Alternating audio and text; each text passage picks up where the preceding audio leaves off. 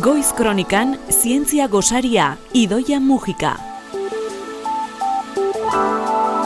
Gaur estudiotik atera gara Zientzia Gosarirako. Ostegunez, abenduaren bian ari gara grabatzen hau, non eta Eureka Zientzia Museoan. Oraintxe inauguratu den erakusketa batek eman digu horretarako aitzakia. Idoia Mujika materiaren fisika zentruko komunikazio eta divulgazio arduradunak gonbidatu egin bai gaitu eta gu etorri. Kaixo Idoia. Kaixo igotz. Ongi etorriak, eskerrik asko, onaino etortzeagatik eta bazen garaia, ez zuetan ni estudiotik kanpo zehoz egiteko. Ba, esan bai, eta erakusketa eder ederra da, eta hortaz hitz egin behar dugu. Fotzientzia mazazpi izena baitu erakusketa honek, eta materiaren fisika zentroaren eskutik etorri da donostiara. Aurkeztu iguzu, zer da fotzientzia mazazpi? Bitu, fotzientzia mazazpi jaiotzen da zesikek eta fezitek antolatzen duten lehiaketa batetik. Han biltzen dira, lareunda berrogeita hamar argazki baino gehiago. Baina parte hartu dezakete bai zientzialariak ez zazue pentsa bakarrikan zientzia erakusketa bat danik. Baizik eta kaleko jendea edo zein hiritarrek ere parte hartu dezake.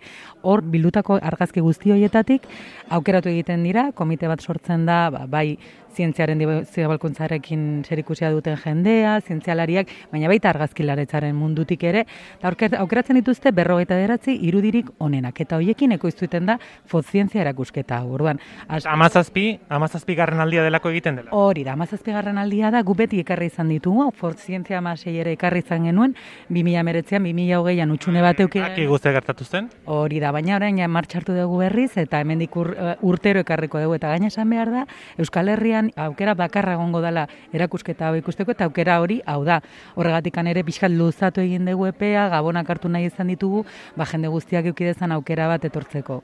Izan ere, urtarrilaren bederatzira arte aukera ona, Eureka Zientzia Museora hurbildu eta Eureka Zientzia Museoan aipatu izan dugu beste mila gauza bat ikusteko, baina hau ere bai, eh? gainera erakusketaren sarrera librea da.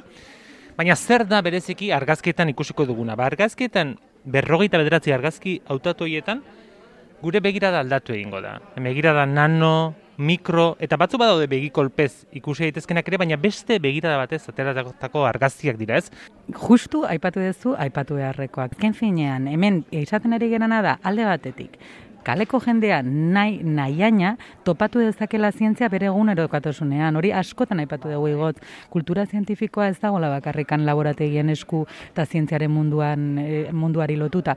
Edo zin lekutan topatu dezakegu aitzaki bat, ba, begira da hori ez, beta horreko jazteko esateko, mm, hau zunek zientzia kutxu bat dauka. Hori egin dute hemengo hogeita sei egileek. Diala justu kategoria aipatu dezuna begiristaz ikusti daitezken gauzak, baina ba, kutxu zientifiko batekin, ez? Eta Orduan, ba, horrek ere lagundu gaitzake, ba, ba dibidez, zientziarekin lotuta dauden solasaldiak egiteko ona etortzen bazeate konpainian ikusiko duzue. Argazki bat ikusi eta bapatean topatzen duzu zure burua hitz egiten ba Amazoniari buruz, ah bai irakurri nuen ezakizer bakizer edo ikusten duzu dordoka bat, ikusten duzu urtanta bat baina beste begirada batekin eta begirada gainera Ez da bakarrik nano eta mikro argazki asko daudelako, edo begikolpez ikusiaren beste perspektiba bat erakutsiko digutelako guk jende xeak behintzat normalean pentsatuko lukena, baita ere garapen iraunkorrari lotutako argazkia direlako berezik ez da? Hori da, eskatu zaie, egile guztiei lotzeko beraien irudia garapen iraunkorreko e, objektibo hoiekin, ez? Eta orduan ikusiko duzu zenbakitxo bat daukatela, eta nola bait aipatu egiten dela, zer, zerrekin lotzen duten mintzat egileek zein helburu hoiekin. E, beste gauza oso politoa gertatzen da, egotze eta zuri gertatuko zitzaizun, bai, argazki begira. Justu mikroskopiaren mundutik edo zientziaren mundutik datozen irudiak oso, oso jolas polita da esatea. Zeri naiz ikusten? Bai, bota dezakezuna, ez ni adibidez hemendikan ikusten ari naiz argazki bat eta ikusten ditut bolatxo batzuk eta neri burura etortze zait esatea. Ah, ba, hori agian goxoki batzuk dira.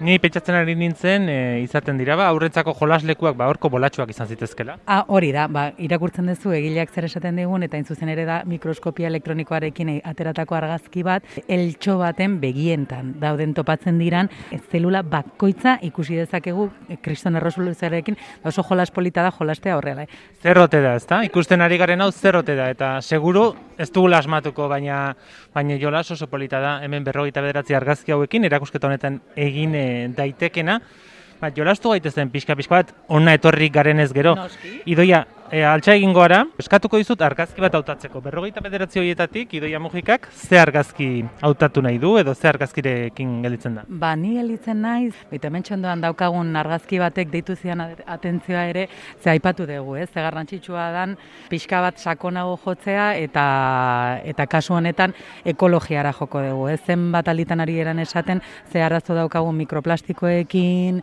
gure itsasoetan, gure uretan, nolari irantzikintzen, ba hemen autoreak proposatzen digun argazkiak ikusten ari gera krustazio txiki bat deitzen dira artemiak, argazki oso, bueno, ikusten badezue ematen du, ba, ez dakit, alienen baten antzeko itxura duen izaki bat, ez? Bueno, hori artemiak dira. Oso oso oso txikiak dira benetan. Baina gaina fluoreszentzia erabiliz e, eginda argazkia eta ikusten da nola beraien barruan, beraien esteetan koloreztatu egiten den zerbait. Kriston kolore biziarekin gaina naranja.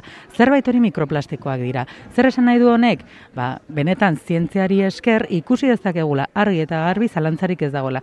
Ingurua mikroplastikoak egonezkero artemia hauek beraien gorputzen barruan izango dituzte. Eta hor hasiko lirateke ba katetrofikoan zehar edatzen mikroplastiko hoiek ba, arrai handiak txikiak. Artemia txiki txiki txikiak diren hoien argazkia ikusten da eta idoia dio bezala lerro laranja bat ikusi dezakegu bi artemi horien barruan, hori da beraien sabelean mikroplastikoek egiten duten argia, e, argi fluoreszentea erabilita beraz, arazo sakon baten islada da argazki hau. Hori da, argazkiak dira politak eta intentzioa da erratu hon bat pasatzea, baina baitaren nolabait, bum, ba, gure, gure buruan piztea pixka bat, arazoak daudela, egon badaudela, eta hoietarako ba, zer egiteko pres gauden, ezta?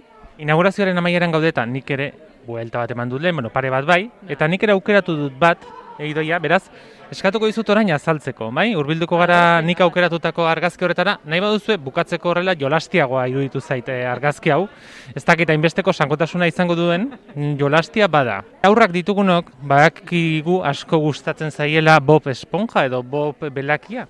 Eta ikusten duzu argazki hau, eta egia da, izugarrizko antza duela argazki honek Bob Belakiarena.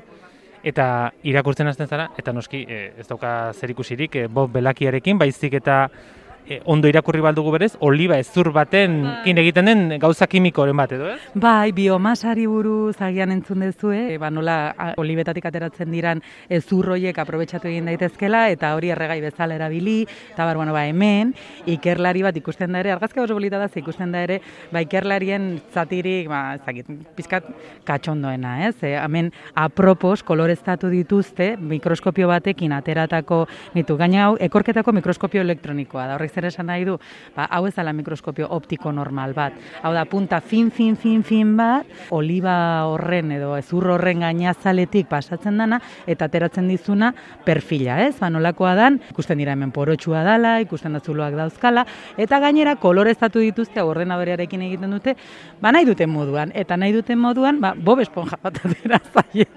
Lehen aipatu duguna, ez? Jolas polita ikustea, eta esatea zer da, ba, argi eta garbi bob esponja da, eta gero urbiltzen zera irakurtzera, eta du, aba ez. Hau da, ekorzketa mikroskopio batekin egindako argazki bat, eta argazki horretan ikusten ari gerana da, ba, ia nano eskalan, esango nuke, hau mikroeskala gutxienez, baina nano eskalara jotzen duela ere esango nuke. Ba, holakoak, berrogeita bederatzi. Argazkitan, pentsatzeko, jolasteko eta hausnartzeko Eureka Zientzia Museoan sartu eta berehala, beko sola izango duzue, eta lehen ere esan genuen bestela ere gabonetarako plan bikaina da Eureka Zientzia Museora etortzea, ba, fotozientziamen edukita erakusketa hau, ba, arrazoi bat gehiago.